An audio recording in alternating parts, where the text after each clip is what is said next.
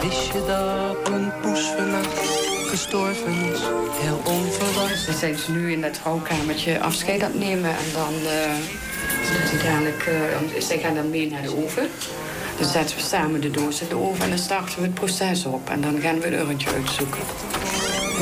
Hartelijk welkom in deel 3 van onze serie Het Gelukkige Huisdier. Je hebt natuurlijk het plezier van een hond, dan krijg je het verdriet van een hond.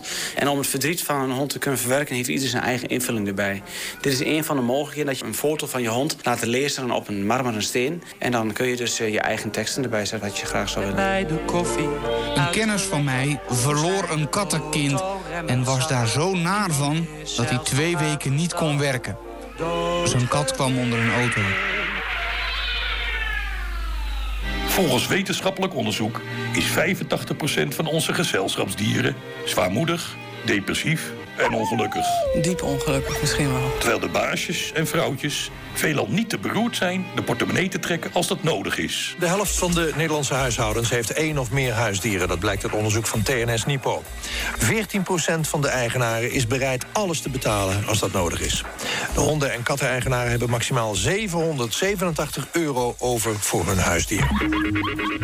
In Amerika is plastische chirurgie voor huisdieren heel gewoon. Denk bijvoorbeeld aan de scrotumreconstructie bij gecastreerde reuwen. Zover is het hier nog niet. Begraven en cremeren van huisdieren is inmiddels wel heel gewoon in Nederland. Uh, mijn naam is Kim Klembretelen. Ik ben mede-eigenaar van De Breeborg. De Breeborg is een bedrijf waar alles op gebied van huisdieren doet in Twente. Wij verzorgen honden en poezen tijdens vakantieperiodes. Wij helpen mensen bij de opvoeding van de honden. We hebben een dierencrematorium. En we hebben sinds afgelopen weekend ook een paardencrematorium erbij geopend. Nou, gaat het een beetje? Ja. Ja? Ga, zullen we hem in de oven zetten? Moet dat gelijk nu of kunnen we zo nog terug? Of? We moeten toch een keer in, hè? Ja. Ja. Zeg je eerst e- even een urntje uitzoeken en dan? Graag, ja. Oké. Het papieren werk doen we daarna. Goed, ja? Nou, als je niks regelt, dan blijft het... Uh, in de regel blijft het huisdier bij de dierenarts. En dat betekent dat een huisdier dan in het destructiecircuit komt. Onder andere als voor energie in de ijzercentrales. Nee, hij had uh, een ernstige uh, bottumor. ja. Hij had hem hier zo, je ziet het helemaal. snel gaan. Dit is een hele, dit is de bottumor hier. Oh, god. Het is allemaal dik. Ja. Ja. Maar Rotweilers kunnen 13 worden, heb ik wel eens gehoord. 14 zelfs, maar... Ja, over het algemeen worden de honden ook ouder, omdat uh, de, de, verzorging uh, beter is. De mogelijkheden bij de dierenarts, medisch, ja. zijn ook beter. Ja. ja. Dus ze worden steeds ouder. Ze worden steeds ja. ouder, ja. ja. Mijn oom Wim had vroeger ook een hond. Een echte Drentse Emmentaler. Dat beest had altijd met de pot mee. Beetje zuur over, roeren en smellen maar. En dat mormel is 36 jaar oud geworden. Tegenwoordig staat de halve winkelvloer van de dierenspeciaalzaak vol met brokken. Brokken voor kleine, oude honden. Brokken voor middelgrote, jonge honden. Voor gestreste honden, allergische honden, autistische honden. En voor de katten hetzelfde verhaal. Ik ben Joost de Jong. Ik ben voorzitter van Dibevo. Dibevo betekent dieren, benodigdheden, voeders. Martin Gaus, dat is mijn stem. En waarschijnlijk kennen mensen die. Ik ben Inge Koenis. Van huis ben ik medisch bioloog.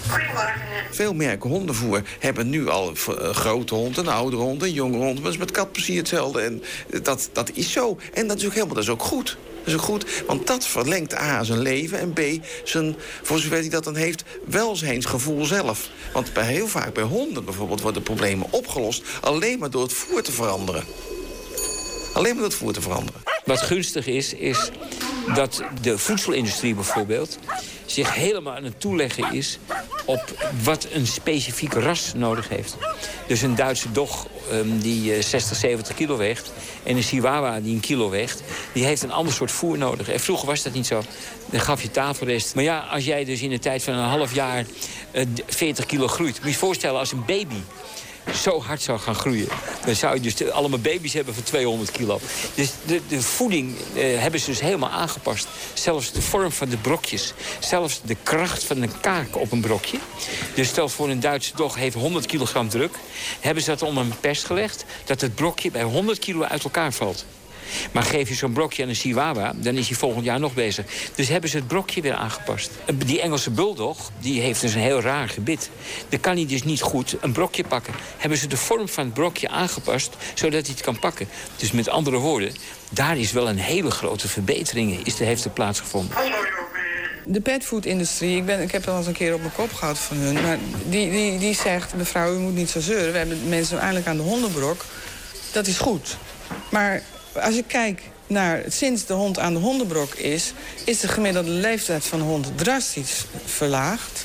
En het aantal honden met kanker of allerlei andere ziektes is drastisch verhoogd. En niemand heeft het daarover. Sinds de invoering van het speciale dieet? Als je dat terug zou kunnen berekenen... helaas kunnen we de dierenartsenbestanden niet...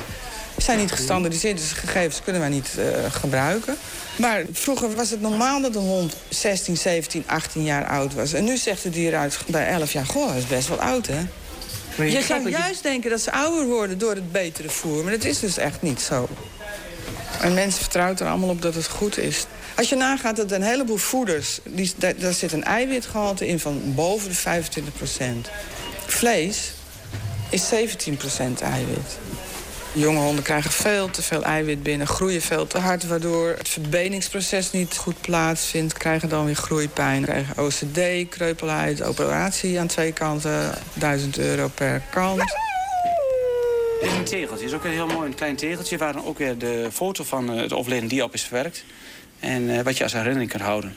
Tanja, van wel trouwe vriendin, we zullen je missen. Was niet zo heel oud geworden, oh, 13 jaar. 13 jaar, ja. Ja, hij is gestorven in mijn armen gisteren, als het ware. Tenminste, bij ons beiden eigenlijk. Dus uh, ja, ja, alleen dat gaat heel heftig, vind ik zelf. Uh, ja, op een gegeven moment krijgt hij zijn eerste prik uh, hierachter. Een behoorlijk agressieve reactie natuurlijk. En dan vervolgens kreeg hij nog een prik. hij kwam zelfs nog omhoog in de narcose en de bek helemaal wagenwijd open. En dan keek hij me aan ook van ja. dit en dat. Ja, daar heb ik ook over gedroomd vannacht. Dat, uh, dat is een situatie, dat, uh, dat blijf je altijd bij. Ja. We zijn dus nu boven dus bij die, bij die underzalen om uh, ook een indruk te geven wat er allemaal mogelijk is. Uh, heel veel mensen die dit in eerste instantie zien, die zeggen van nou, ik heb daar niets mee. Maar ik heb er zelf in, in het eerste jaar dat ik hier destijds dus mee in aanraking kwam, meegemaakt met een gezin waarbij de dochter verongelukt was. En toen die hond twee jaar later overleed, toen kwam dat hele verhaal weer boven. En die wouden gewoon heel graag de urn van die hond dus bij de dochter op het graf hebben.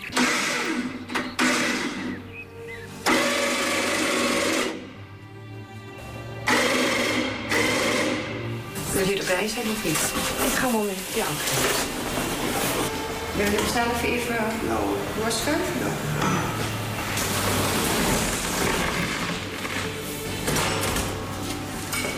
Even iets.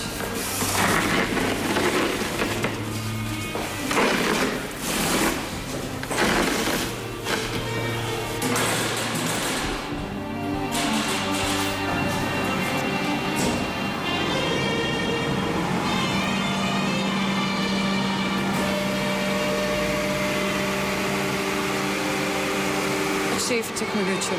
Ja. Zeg maar, uh, dik uur.